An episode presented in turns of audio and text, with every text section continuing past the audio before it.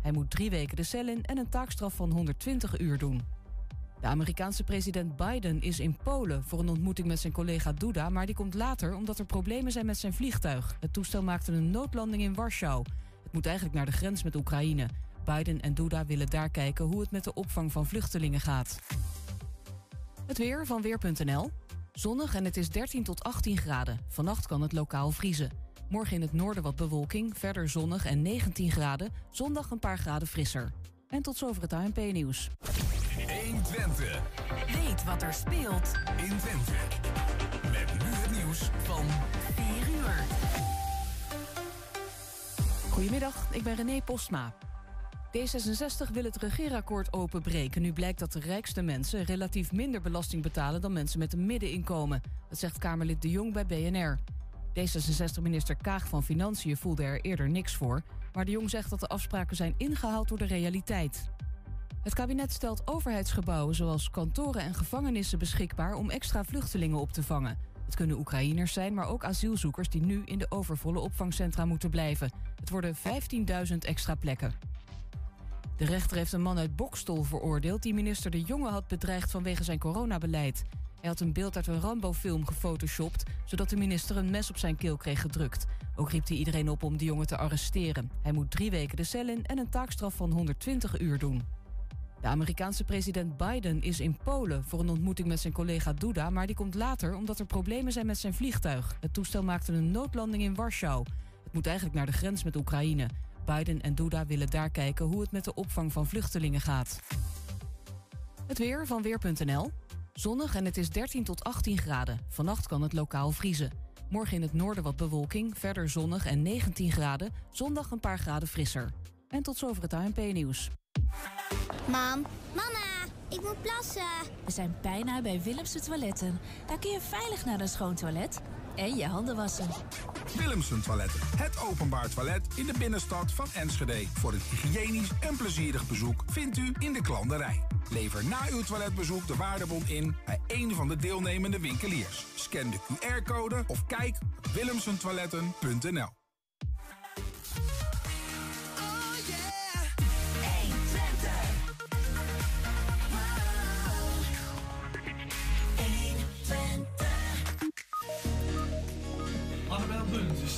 Oh, oh, oh, nog een keertje. Zeg het nog een keer. Nog een keertje? Ja. Goed, gewoon nog een keertje. En gewoon nog een keertje zeggen? Zeg nog een Dan keertje. gaan we nog een keertje zeggen. Annabel Bunt is de nieuwe nachtburgemeester van Enschede. Moet Enschede het NK tegelwippen winnen? Wat mij betreft wel. Een workshop veilig fietsen voor 60-plussers uit gemeente Enschede. En we hebben een nieuwe muzikale column. Of column van eh, Anna Linde over een onderwerp dat door de onze, onze luisteraars werd aangedragen. Het is vrijdag 25 maart en dit is 120 vandaag. 1 Twente. 1. 120 vandaag. Ja, we kondigden dat al aan. Het is zover. Enschede heeft een nieuwe nachtburgemeester. Eerder deze maand is er een opvolger benoemd van het inmiddels gestopte nachtduo Kees de Groot en Marcel Bierling. En zij is bij ons hier in de studio, Annabel Bunt. Hi. Hi Annabel, leuk dat je er bent. Ga je iets dichter bij de microfoon, dan kunnen we je allemaal goed horen. Hi. Hi. Dat is beter. Wat zeg je? Dat is beter. Ja, dat is beter. Hey, eh, Annabel Bunt, eerst even. Ja, we, we hebben elkaar wel eens een keertje ontmoet, maar, maar even zo voor het grote publiek. Wie, wie is Annabel Bunt? Eh, veel. Ik doe veel. Ehm, Ik vraag niet wat je doet, vraag wie je bent. ehm, ja, een jong, creatief persoon dat eh, veel te zien is in de nachtleven van Enschede. Ja, ja want je, je gaf het al aan. Hè? Jij, jij doet heel veel. Je bent betrokken bij eh Spacebark, de Sick House, Planet Art, Gogbot. eh, nog zo'n hele rits dingen. Volgens mij super actief. Ik, Mhm. ik, ik- er kan niet iets gebeuren of, of Annabel is er wel ergens bij. En, en holt rond. Hoe, hoe is dat gekomen? Waarom, hoe ben je ooit in dat wereldje verzeild geraakt? Eh, ja, dat was een bewuste keuze. Eh, Een aantal jaar geleden, toen ik nog studeerde, stopte ik daarmee. En, eh, Wat studeerde je? ik studeerde kunst en techniek aan het Saxion. En ehm, ja, toen ik daarmee stopte, ben ik echt bewust op zoek gegaan naar de cultuur in Enschede. Dus ik ben alle internetwebsites afgeweest om te kijken wat er te doen was. En ik probeerde elke dag ergens heen te gaan. Ja, als er één plek is waar kunst en techniek eh, zich ongeveer eh, eh, een- soort onlosmakelijk duo zijn, dan is het wel in de wereld waar jij, hè, waar, jij je begeeft, waar we het net over hadden. Hey, en, en je bent gebombardeerd tot, tot nachtburgemeester. Ehm, was dat een heilige roeping? Een ongeluk? Hoe, is dat, hoe, is dat, hoe is dat gegaan? Nee, het voelt eigenlijk wel natuurlijk eigenlijk. Ik, ik vind het zelf wel een, een functie die erg bij me past. Dus, ja, omdat ik me daar sowieso heel erg voor inzet. Dus het is heel fijn om daar eindelijk erkenning voor te krijgen en daar meer gewicht aan te kunnen geven. Ja, cool. Uh, volgens mij hebben wij een foto van uh, een officiële inhuldiging. Want je bent gewoon echt officieel aangesteld, benoemd door uh, de dagburgemeester Roelof Bleker in dit geval. Ja. Nou ja, dat, dat zien we hier. En ik zie nu dat jij je nachtburgemeester ambtsketen ook draagt, zelfs op dit moment. Ja, ja ik heb hem netjes meegenomen. Dan is, is hij vlak voor je zijn camera.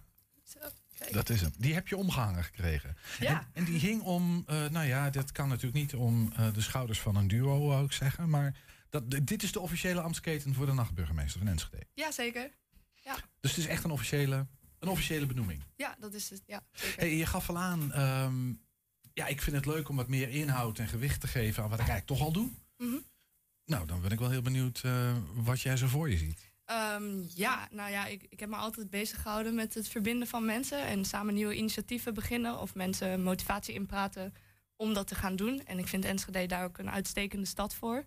Het is echt een stad waar als je iets gaat doen, dan is het er. En dan gaat iedereen erin mee. En dat is echt prachtig van, van Enschede. Kom, kom je uit Enschede oorspronkelijk? Uh, volgens... ja, ja, ja, ik ben hier ook geboren. Ja, ja, okay. ja dat wist ik niet. Ja. Tukster. Ja, ja een echte tukster. Ja.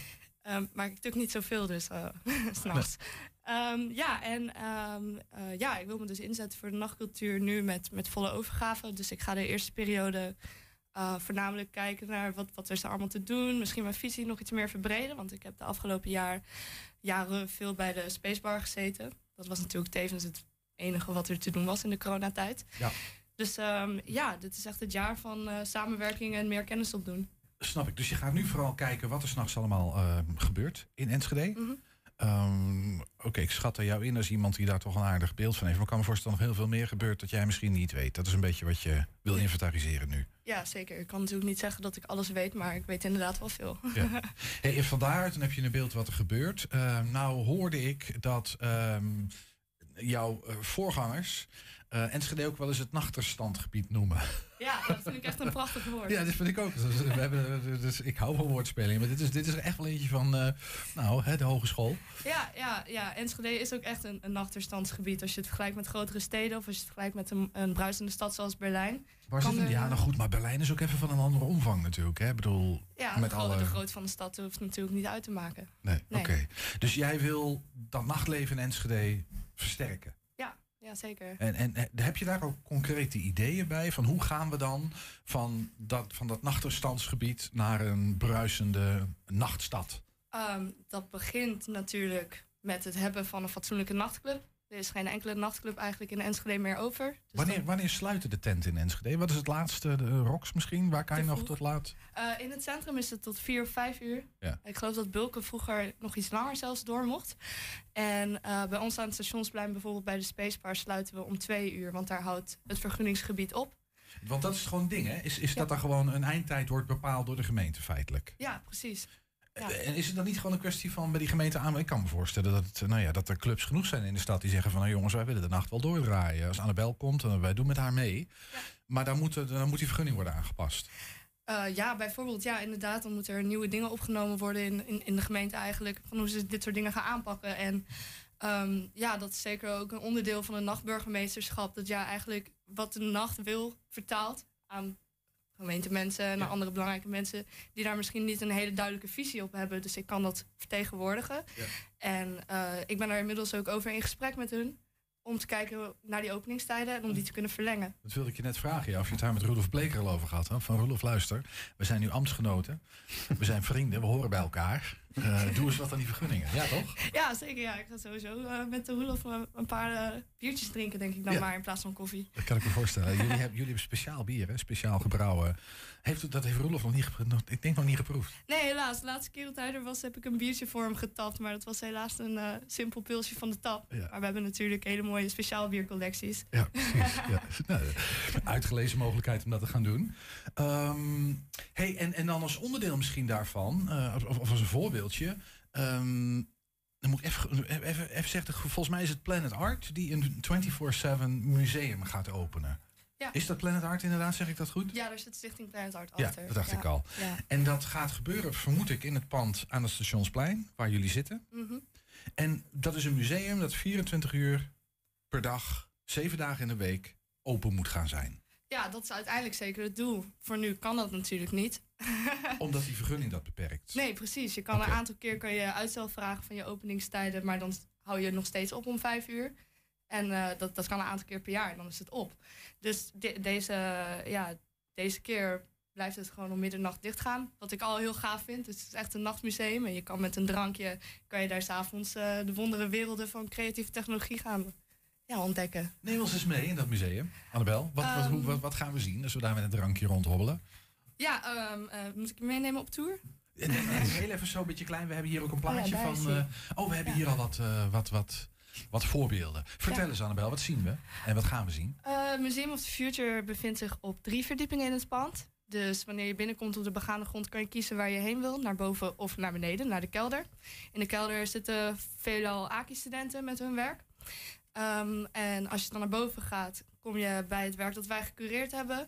En eh, het mooie van het museum is, is dat er geen duidelijke scheiding is tussen grote kunstenaars, die je eigenlijk in musea over de hele wereld ziet, en gewoon ja, lokaal talent, wat wij, wat wij hebben ontmoet en wat wij ruimte geven om te exposeren. En dat gaat voornamelijk over interactieve installaties, videokunst, en ja, audiovisueel werk eigenlijk. En ehm, het, ja, het is gewoon allemaal heel kleurrijk en je kan ermee spelen en het maakt geluid en het is vernieuwend. Dus heel, heel interactief geef jij aan. Het Ja. is vooral een beetje de fusion tussen kunst en techniek toch ook heel veel, hè? Juist, ja. Oké. Ja. En jullie hebben dat gecureerd. Dat vroeg me trouwens, dat vraag me überhaupt wel af, hè? Want als ik naar de Gochbot kijk, daar staan echt wereldartiesten. Klopt, Eh, ja. staan gasten die in de hele wereld op dit soort festivals, dit zijn de grote namen, mondiaal gezien, hè? Ja, vooral als je, als je een beetje bekend bent in de kunstwereld en vaak naar expositie gaat, dan ga je bij Museum of Future ga je zeker een aantal kunstenaars zien, ook uit andere landen en hun werk, wat je anders niet zo snel zomaar naar binnen kan lopen. En Nee. het is gratis entree. Het is zo lang mogelijk open als dat we eigenlijk kunnen redden met het aantal vrijwilligers. Dat, dat zijn we nu aan het opbouwen. Snap ik. Dus ehm, ja, dat, dat is echt een hele mooie, ja, mooi nieuw iets in Enschede om te hebben. En dat, dat midden in het centrum. Is absoluut. En tegelijkertijd valt er me ook op dat, eh, ondanks die grote namen, dat het een beetje een feestje voor de periferie lijkt. Hè? Voor, voor mensen die heel geïnteresseerd zijn in nou ja, dat deel van het kunstenlandschap, zal ik maar zeggen. Ehm, wil dit museum nou ook een beetje misschien iets meer de brug slaan naar zeg maar Enschede als stad en naar, naar de gemiddelde Enschedeer die hier rondhobbelt? En is, is dat ook het idee daarvan? Ja, ja, precies. Want ik kon me in je eh, statement zeg maar niet zo vinden. Want het is juist, het is open, het is vrij toegankelijk, het is lang open. Er zit een bar naast, het is centraal. Het idee is eigenlijk dat ieder persoon die, die al denkt van... wow, wat zijn die lampjes, wat, zijn die, wat, zijn, wat is die blauwe verlichting, wat is dat geluid... dat die dus eigenlijk gewoon direct naar binnen kunnen lopen... en in aanraking komen met nieuwe werken. En het is aan hun om te kiezen hoe, hoe ver ze zich erin gaan verdiepen. Maar ik weet zeker dat er mensen binnen gaan komen... die echt stijl achterover staan van hoe gaaf het is. Ja, dat denk ik ook. Als je er één keer binnen bent, dan, eh, dan denk ik dat je hele bijzondere dingen tegenkomt. Want dat, Mhm. eh, dat is mijn ervaring zelf ook. Maar ik heb toch het idee dat dat voor veel mensen die drempel kennelijk toch wat hoog is of zo. Mhm. Eh, Is dat een beeld dat jij niet herkent? Of zeg je van nou, ik snap wel een klein beetje wat je zegt? Ja, het is, het is altijd spannend. De sfeer ook. Het is donker. Er is veel neon. Het is een beetje overweldigend. Ehm, maar ik denk het feit dat het centraal gelegen is en dat het gratis toegankelijk is, dat het wel enorm bijdraagt. Dat zie je ook bij festivals zoals Schofpot Festival, waar je in principe gewoon de oude markt oploopt en in één keer bevind je in een expositie. Dus ehm, ja, ik denk dat ook middels evenementen en met het lekkere weer dat er aankomt, ook wel veel meer van het, ja, dus de gemiddelde Enschedeer naar binnen kunnen loodsen. En het spreekt gewoon tot de verbeelding. Dus op een gegeven moment moet je je wel overgeven aan je nieuwsgierigheid. Ja, dat hoop ik ook. Dus, nou, dus in ieder geval met, met de entourage en de manier waarop je de lampjes laat knipperen en noem het op, is dat wel iets wat je probeert, hè? mensen nieuwsgierig te maken. Hebben jullie nou in dat museum een vaste collectie? Of worden dit wisseltentoonstellingen? Of moet, ik heb geen idee. Maar normaal heeft een museum natuurlijk gewoon een vaste collectie. Hè? Mhm. Is, is dat ook het idee dat jullie... Hebben jullie een vaste collectie of ben je die aan het opbouwen? Eh, niet per se, het is heel flexibel. Er staan eh, nu iets van 13 kunstwerken, misschien al inmiddels iets meer. En het idee is eigenlijk dat, dat elke keer als je komt weer net iets anders is. Zo komt er in, in begin mei komt er een heel groot kunstwerk van Stanza. Ehm, eh, dus ja, dan heropen je weer en dan onthul je dat kunstwerk. Ja, maar ja. Ook, ook met de kleinere dingen, op het moment dat je binnenkomt, kan het best zijn dat er in één keer een ander werk on display is, zeg maar, dan dat je de vorige keer had gezien. Dus in die zin blijft het verrassend. Dat grote kunstwerk in mei, wat, wat, eh, kan je een tipje van de sluier? Wat wordt dat? Ehm, dat is een stad van 30 vierkante meter. Maar de stad is gemaakt uit printplaten. Zoals moederborden, PVC's. En daar zitten allemaal ledjes doorheen. Er liggen projecties op. Ehm, ja, het is gewoon het is heel prachtig uh, om naar te kijken eigenlijk. Komt dat buiten of binnen? Is dat stationsplein? Of, uh... Uh, dat, dat komt binnen. We hebben dan zeg maar, omdat wij, omdat wij s'nachts natuurlijk een ander type publiek verwachten dan op een zondagmiddag, hebben we twee ruimtes. Eentje is vrij toegankelijk voor iedereen die s'avonds aan het stappen is en even wil kijken. En Stanza die bevindt zich dan een ruimte verder waar er iets meer toezicht ja. is. En dat is binnen op de tweede verdieping straks. Ja. ja. Komt ook een beetje misschien hier een vraag naar boven. Ik denk dat heel veel mensen misschien nog denken van... wat is nou precies een nachtburgemeester? Ik bedoel, houd jij huis op uh, in de nacht? Of is het uh, ook wel overdag werkzaamheden... maar je houdt je bezig met het nachtleven? Wat... Ja, ja, ja, ik ben niet simpelweg iemand die s'nachts veel... ja, die laat slaapt, zeg maar, en toevallig een eretitel met zich meedraagt.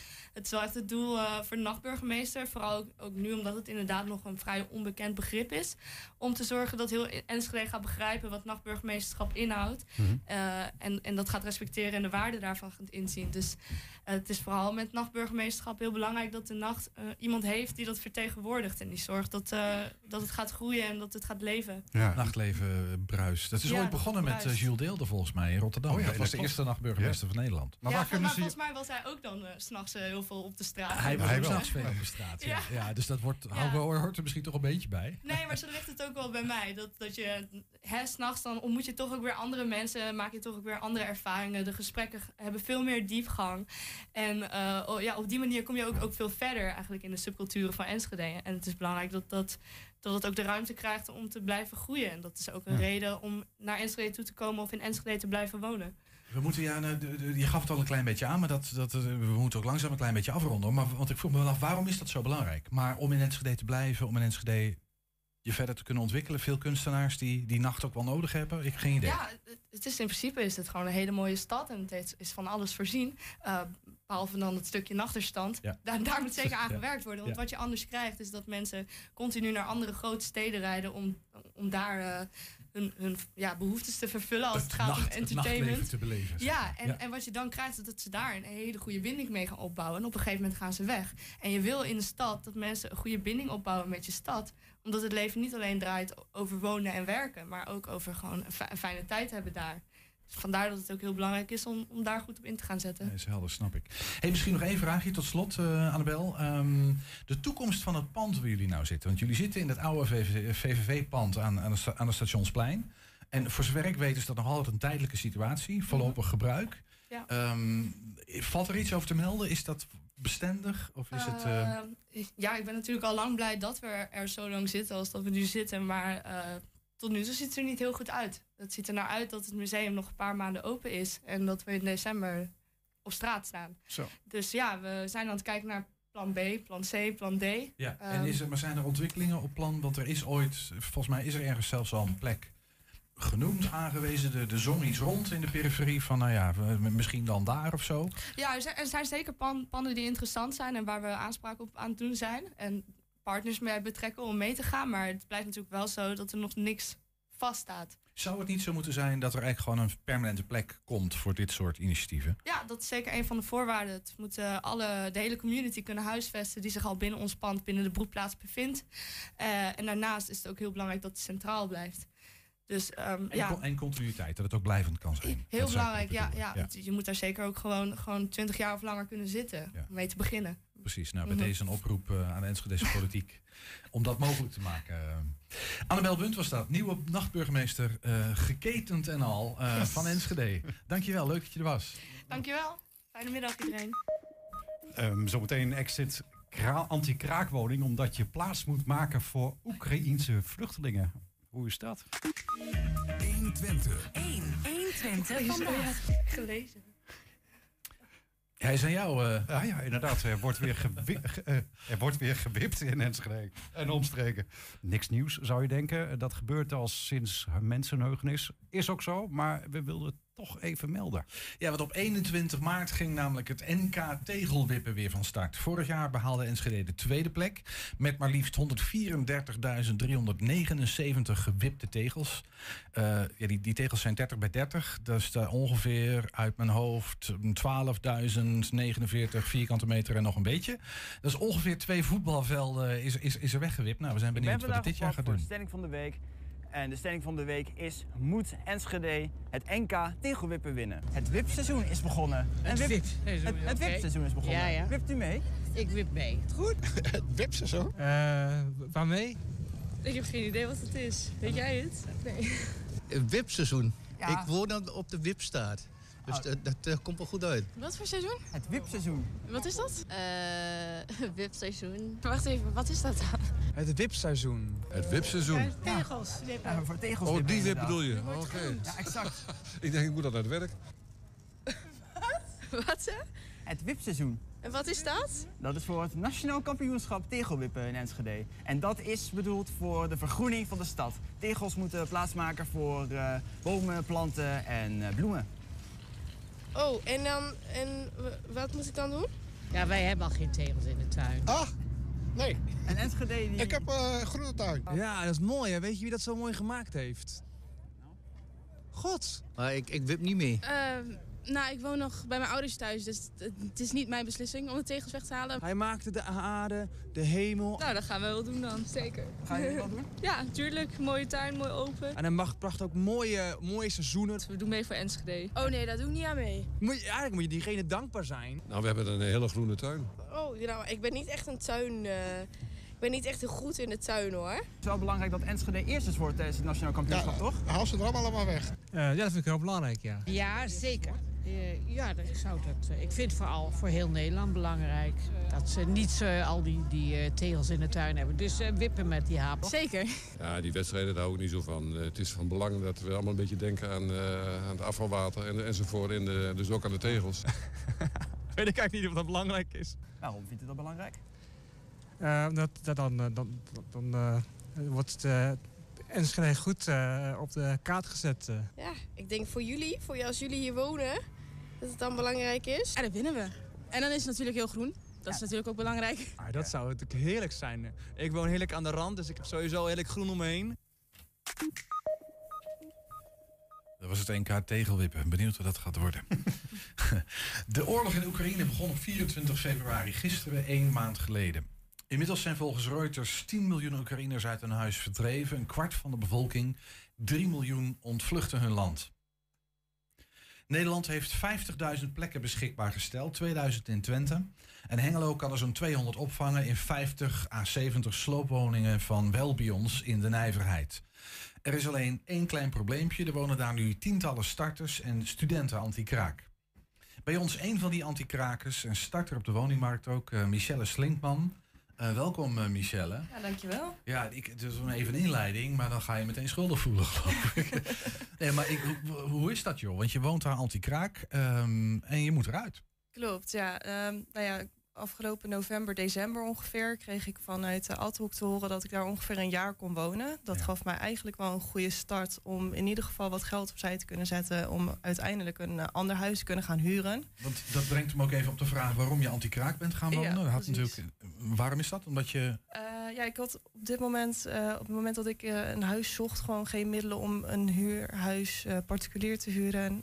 of eigenlijk via een, een, woningbouw of iets. Ja, ik, ik zat eigenlijk net tussenin. Uh, en eigenlijk was dit gewoon een perfecte oplossing om zo um, ja, een huis te kunnen krijgen. Ergens ja. kunnen landen en ja. dan rustig op zoek te kunnen gaan naar iets dat, uh, nou ja, überhaupt op zoek te kijken of je iets kan vinden. Want Precies. Dat, dat is lastig, sowieso in de huidige markt.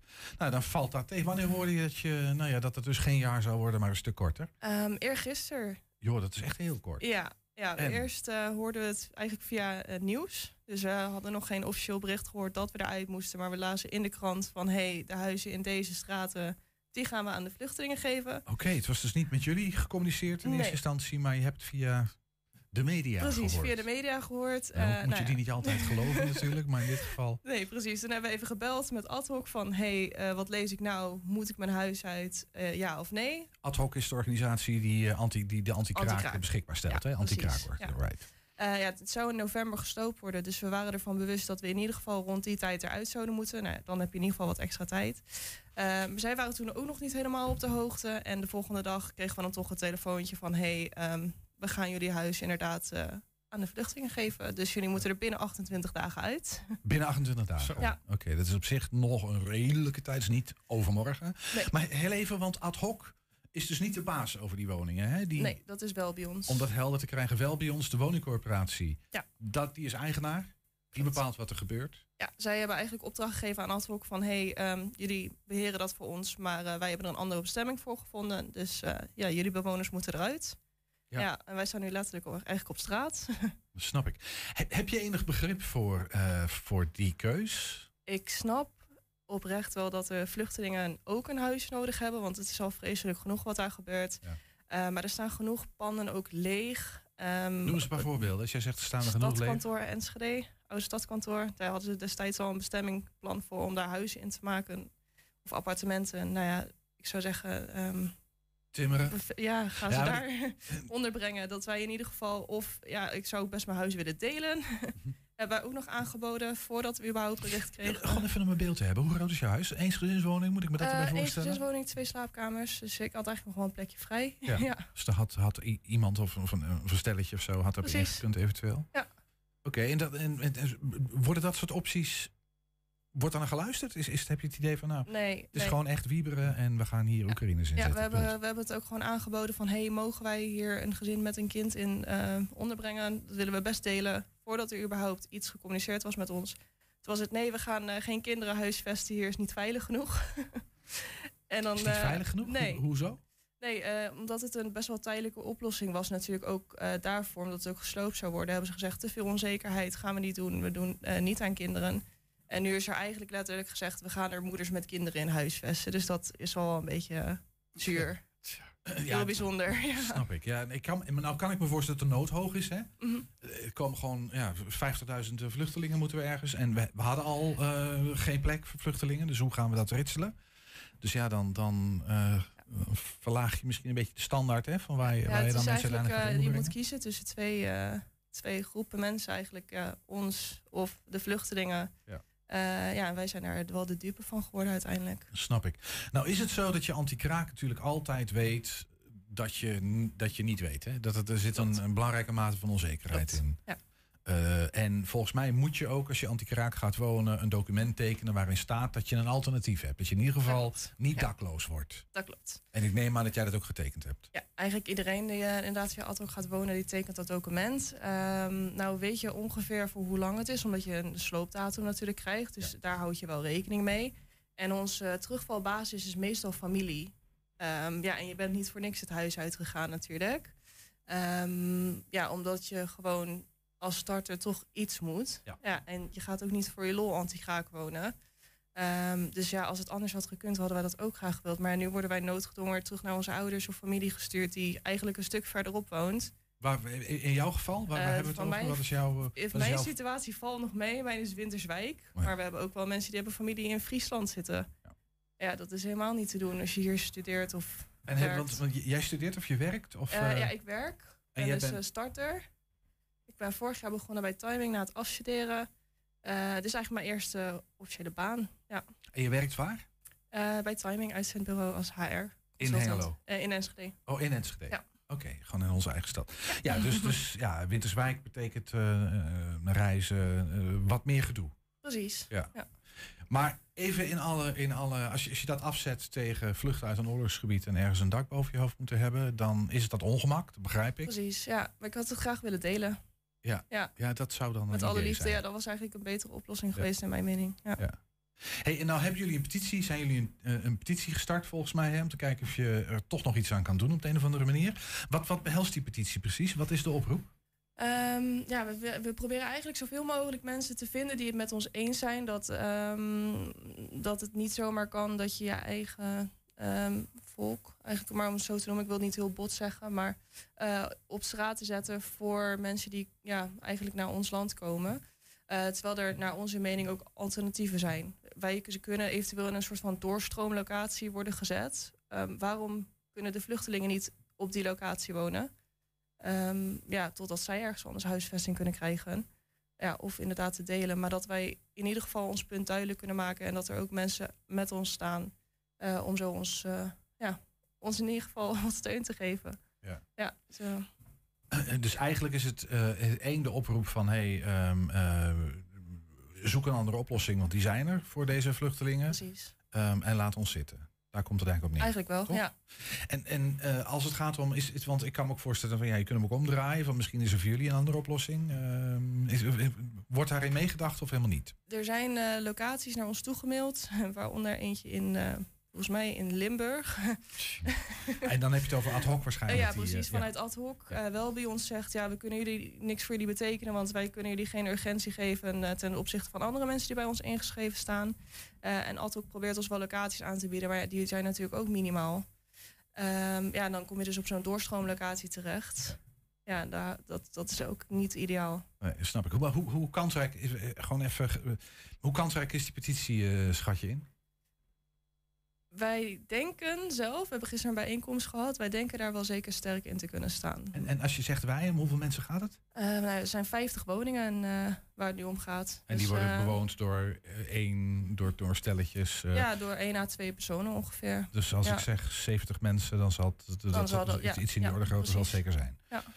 Oké. En tegelijkertijd, ja, ik bedoel, anti-kraak is anti-kraak. Volgens mij, eh, wettelijk heb je geen boter op te staan, eh, vrees ik. Daar lijkt het wel op. We gaan wel kijken natuurlijk wat we nu eventueel kunnen doen, ook ehm, eh, juridisch. Ehm, we weten nu nog niet zeker wat er gaat gebeuren, maar we zijn, er wel, we zijn het wel aan het uitzoeken natuurlijk. Want we willen het niet zomaar over laten gaan.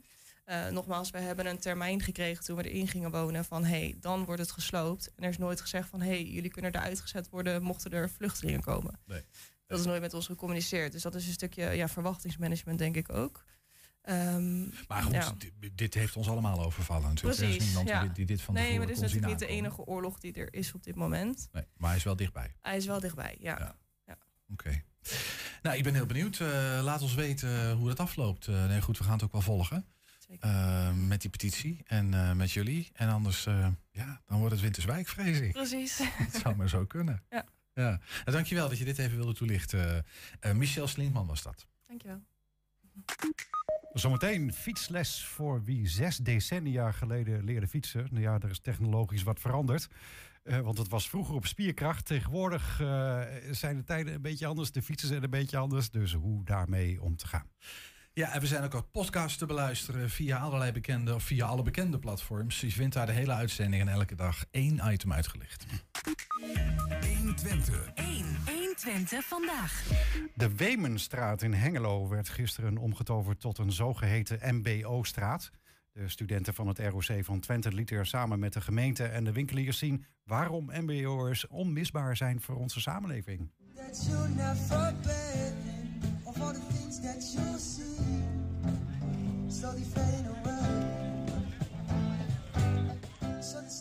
Nou, we zijn hier eh Hartjescentrum eh Hengelo. En eh, met, met allemaal prachtige winkels natuurlijk. Maar daarvoor zie je nu ook steentjes staan. En die staan normaal gesproken niet. En daar staan allemaal mbo-studenten achter. Met hun, hun eigen opleiding, hun eigen vak. Die ze daar neer, neerzetten, etaleren. En daar kunnen mensen dan nou ja, langslopen. En, en een praatje maken. En daarmee willen we eigenlijk eh, laten zien hoe belangrijk het mbo-onderwijs eigenlijk is voor Nederland. Want zonder het mbo-onderwijs gebeurt er helemaal niks in dit land. En ook niet in deze stad. En eh, ja, dat kan eigenlijk niet vaak genoeg benadrukt worden. Als wij eh, eh, een afspraak bij de huisarts willen, dan bellen we de doktersassistenten. Dat is iemand met een mbo-achtergrond. Als wij in een ziekenhuis liggen, dan komt er een verpleegster. Die heeft 9 van de 10 keer een mbo-achtergrond. Als jij pech hebt langs de kant en je belt de ANWB... dan komt de ANWB, dan komt de, de mbo'er jou eh, verder helpen. Dus we, we zitten in de haarvaten van de samenleving als mbo... En eh, we willen op deze nou ja, ludieke wijze daar ook wel eh, wat meer aandacht aan besteden.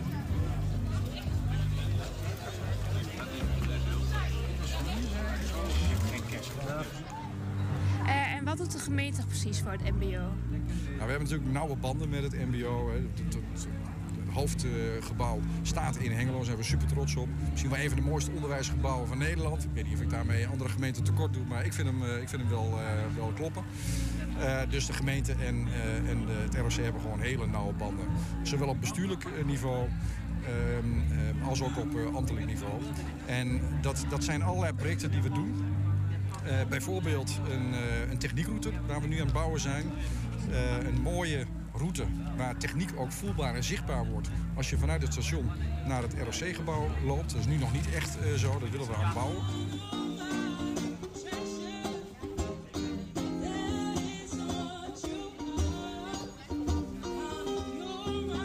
Nu is dus deze straat opgezet. Voor wie is die bedoeld? Nou, echt voor het winkelend publiek, hè, voor de Hengelo's zelfs. Hè, dat ze, dat ze zien wat het te halen is, ook bij het ROC van Twente. Hè, dat is de ROC in deze, in deze regio. En eh, dat ze in gesprek kunnen met studenten en met docenten om te kijken van ja, hoe zien die opleidingen eruit? Wat betekent dat vakmanschap nou? Wat betekent dat voor mij als consument en als, eh, of, of misschien als ondernemer? Dat zou natuurlijk ook kunnen. En eh, nou ja, zonder een krachtig mbo ja, heb je ook geen krachtige winkelstraten. En de straat staat hier maar voor één dag, als ik het goed heb. Is dat niet te kort? Eh, het is een ludieke actie waar we net mee starten. En we doen dat vandaag in vijf steden. Dus Hengelo is er één van, maar ook in Oost, Vlaardingen, Den Bosch en Rotterdam. Mijn droom is, maar ook de droom van Louise Babel, die is landelijk ambassadeur hè, voor het MBO, is dat iedere stad eh, in Nederland, iedere dorp in Nederland straks zo een MBO-straat gaat krijgen. Dus dit, dit is een mooie eerste start. Dus het is zeker voor herhaling vatbaar. Ja, wat mij betreft wel, zeker. Straks Anneline van der Veen. Zij ging de uitdaging aan en bezinkt een onderwerp dat door kijkers en luisteraars is aangedragen. Kansengelijkheid. Hoe maak je daar een klein kunstig liedje van? 120. 1. 120 vandaag. Ja, en Enschede is een echte fietsstad waar e-bikes en speed pedelecs in hoog tempo voorbij razen. Voor de mensen die 50 jaar geleden hebben geleerd om te fietsen, is het lastig om dit tempo bij te benen. En daarom geeft Veilig Verkeer Nederland op verzoek van de gemeente een workshop over veilig fietsen in het verkeer van nu. Aan de lijn hebben we de organisator van die workshop, het nieuwe fietsen, Joop van Bel. Hallo Joop. Ja, hallo. Hi, ja, we horen elkaar. Ik vond het al een mooie achternaam, zag ik net, Joop van Bel. Ja, toch wel, hè? Ja, Ja, dat- de- ja, dan weet je in ieder geval zeggen dat je ook een fietsbel op de fiets hebt. Oh, dat ook, ja. Ik had die fietsbel nog niet eens verzonnen, maar... Oh. hey, fijn dat je er lijn bent. Je bent voorzitter van eh, Veilig Verkeer Nederland in Enschede, begrijp ik? Nou, ik ben eh, coördinator van, eh, van de werkgroep van, van Enschede. Oké. En daarnaast ben ik dus ook voorlichter van VVN voor de hele regio. Ik zeg er bij wel als vrijwilliger. Ja, precies. Oké. Ehm, is, is Enschede een veilige, een veilige fietsstad? Ah, ja, even een diepe zucht. Eh, het begint er een beetje op te lijken. Mhm. Maar ik vind het eh, zelf nog niet.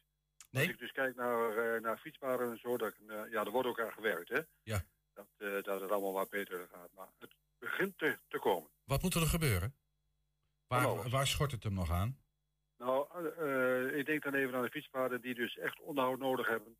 En dat is in diverse wijken is dat. En, en ook eh, ja, de aanleg her, er kan ook eh, best nog wel wat anders. Maar ja, goed, en dan denken we dus aan de nieuwe fiets, eh, fietsweg. die, eh, dan is dat eh, de 35. Ja, die F35. Dat, ja, ja, Ja. inderdaad. Hey, nou, dat, nou- is inderdaad een, dat is inderdaad een heel fijn, eh, fijn fietspad. Ja. En zeker nu, nu die dus ook verder uitgebreid wordt. Ja. Nou kregen jullie de vraag vanuit de gemeente Enschede, eh, als ik het goed begrepen heb, om, om, om een workshop aan te bieden, hè, omdat er zoveel veranderd is in het fietslandschap. Ehm, wat, wat, wat, wat zijn precies de problemen? Waar, waar, waar gaat het niet helemaal zoals het zou moeten gaan? Nou, kijk, het probleem is eigenlijk met eh, de e-bike. De e-bike eh, die gaat veel sneller. Ja. En eh, het wordt drukker en ingewikkelder natuurlijk ook op de weg. Hè? En mensen ook in de auto's die realiseren zich niet dat als er bijvoorbeeld, ik noem maar wat hoor, eh, de auto slaat rechtsaf en er komt een fiets komt eraan, Mhm. dat het wel eens een e-bike eh, kan zijn. En dat is niet altijd even duidelijk. Maar dat geldt ook voor de e-biker zelf. Die moet dat goed in de gaten houden, dat hij een, nou, toch een behoorlijke snelheid dus heeft. En zich moet aanpassen. Ja.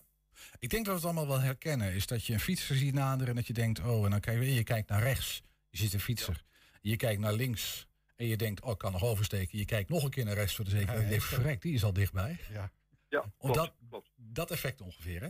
Dus de- dat is heel erg voor de, voor de medeweggebruikers. Maar deze workshop is dan heel erg voor de fietsers zelf. Hè? Namelijk de oudere mensen die in hun jeugd hebben leren fietsen. Dat al decennia lang doen. eh, maar nu ineens met een hele andere werkelijkheid worden geconfronteerd. Ja, klopt. En dat heeft eh, eigenlijk een hoofdzaak te maken toch ook met de snelheid. Ja. Men realiseert zich niet dat, eh, dat de snelheid veel te hoog is. Eh, meestal is het zo dat de maximumsnelheid is dan eh, vijf- 25 kilometer voor de gewone e-bike. Mhm. En eh, de mensen hebben eigenlijk de neiging om dat ding op top te zetten. Ja. En dus ook 25 kilometer rijden. Nou, de beste snelheid is eigenlijk tussen de 15 en de 17 kilometer. Ja. Dan is, dat, eh, dan is nog alles nog een beetje haal- haalbaar.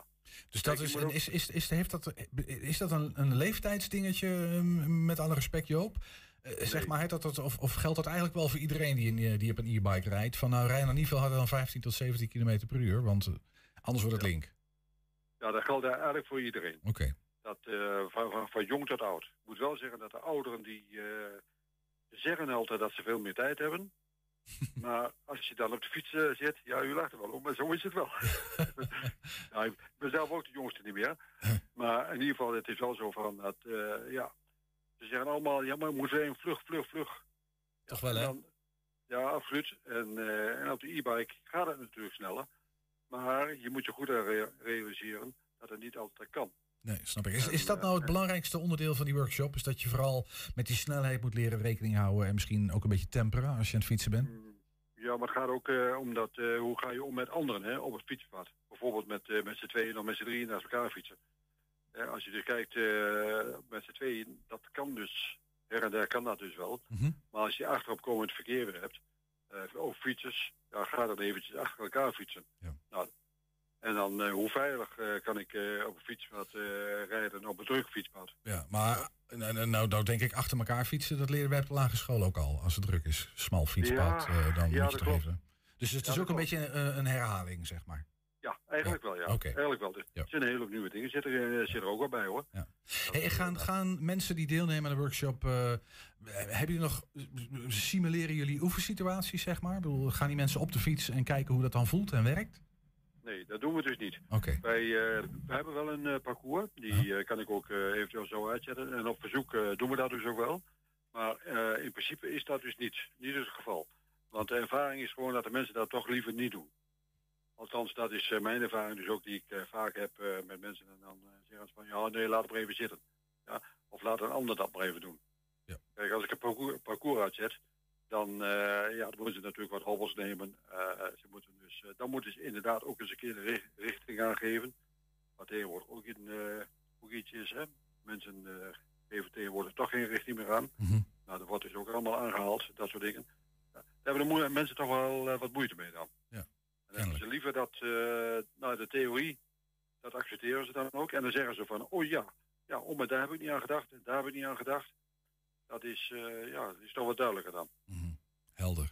Hey, misschien tot slot, eh, Joop, nog, nog één vraagje. Want we hebben het nu over ouderen hè, die in een soort nieuwe werkelijkheid ehm, met die fiets moeten leren omgaan.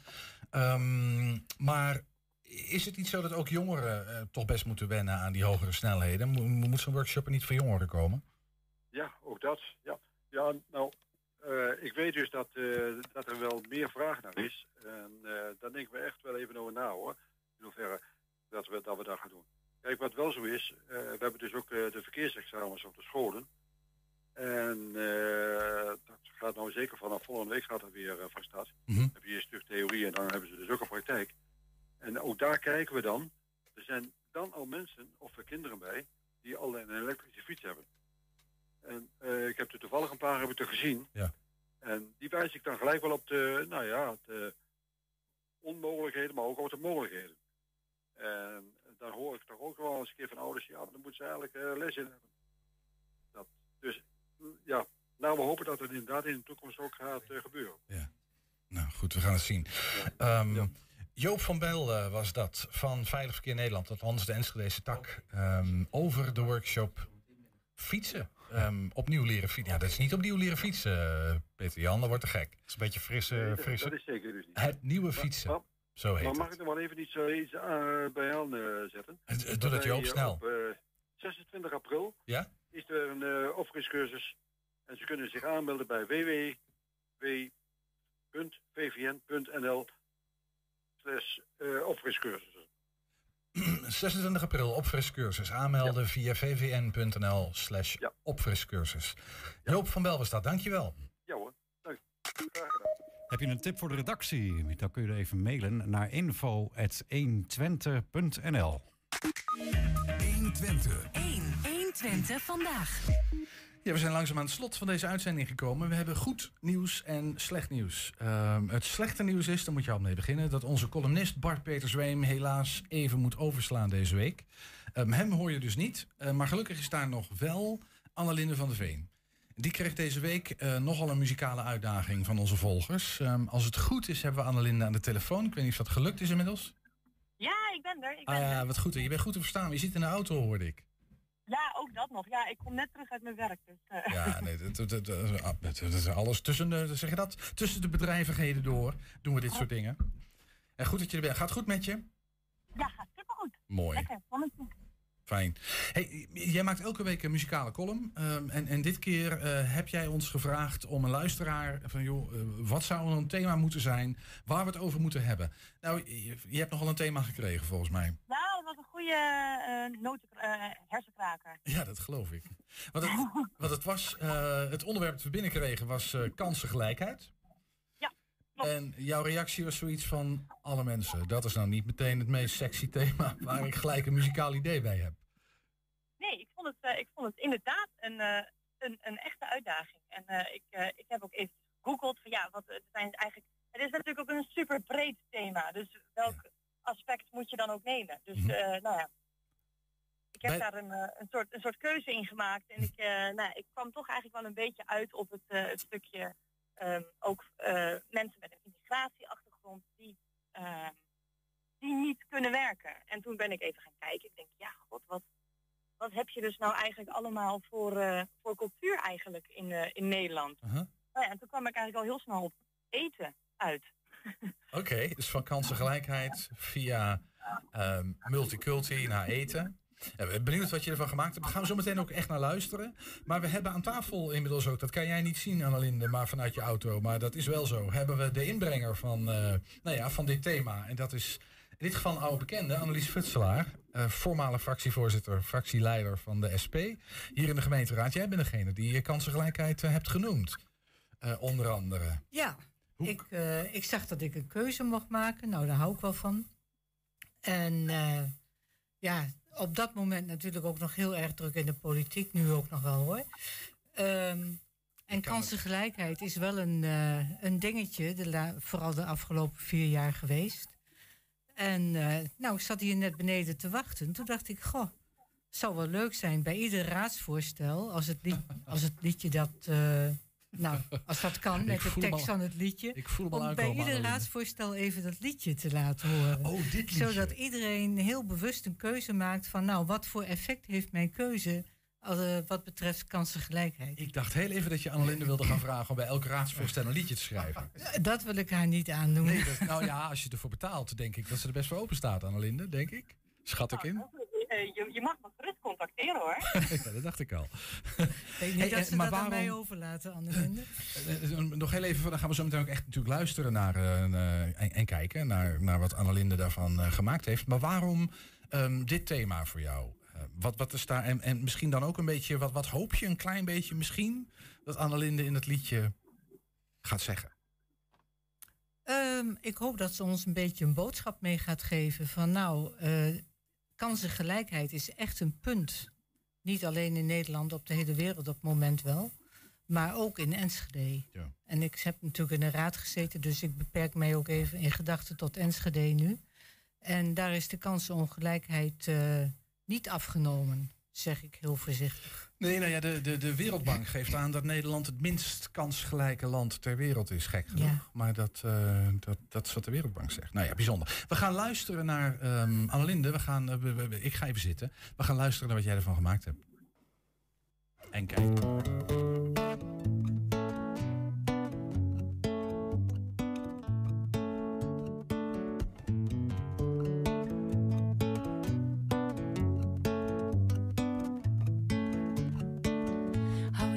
Zoveel van sushi? Eet je ook wel Italiaans? Haal je ook wel eens een deuner? Nachos Mexicaans? Haal je friet bij de Chinees? Lumpia's in de stad? Heb je een braadworst bij de Hema of een hamburger gehad? Kruiden uit Marokko kleren die we dragen komen vaak uit India. De keukens van Ikea, ja ook Zweden die doet mee. Containers vol met auto's komen ver van over zee. We zijn zo multi-multicultureel klinkt op het kantoor. Maar die vrouw met die hoofddoek komt die heus niet werken hoor. Maar we zijn allemaal toch nodig, we zijn alle met elkaar. Nee, niemand is overbodig. Kansen, gelijkheid voor elkaar.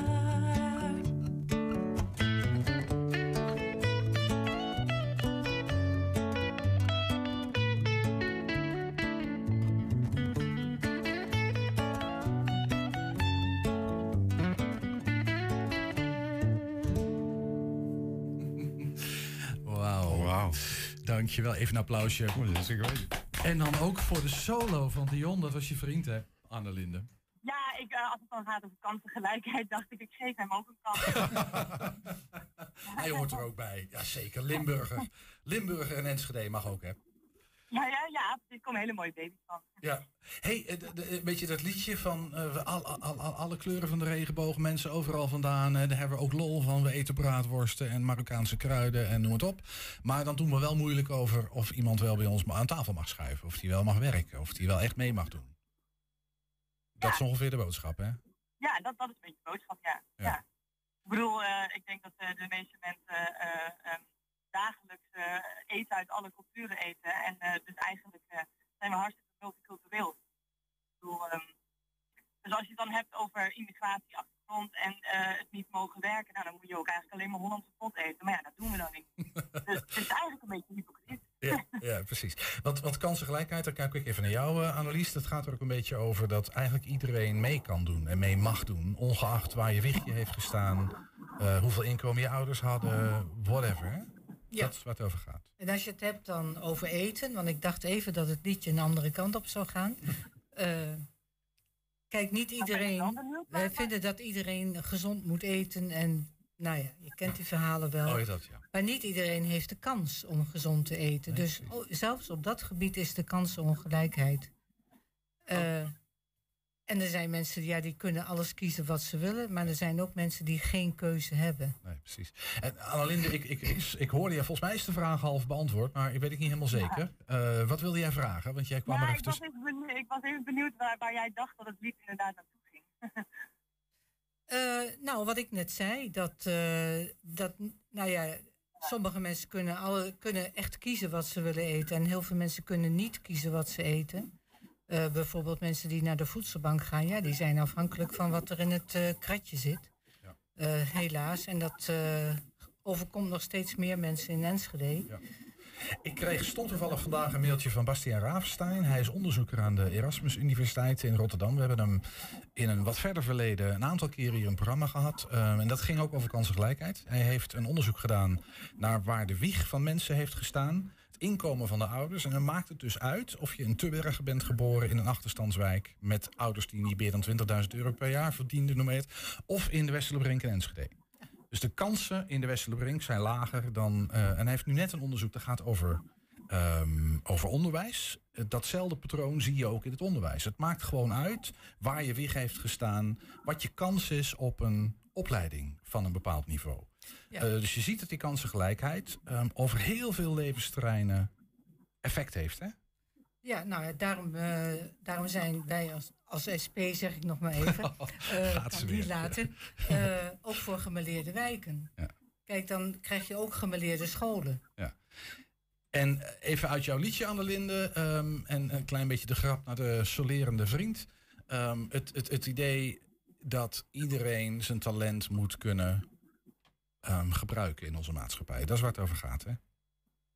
Ja, ja, precies. Nou ja, als je het inderdaad al over scholen hebt, eh, volgens mij is het in Nieuw-Zeeland of IJsland, of IJsland, nou, ik, weet- ik weet het wel even niet meer. Daar hebben ze ook een schoolsysteem waarbij er niet wordt gekeken naar niveau, maar dat wat je wilt doen, mag je gaan doen, mits je het eh, eh, kan volbrengen.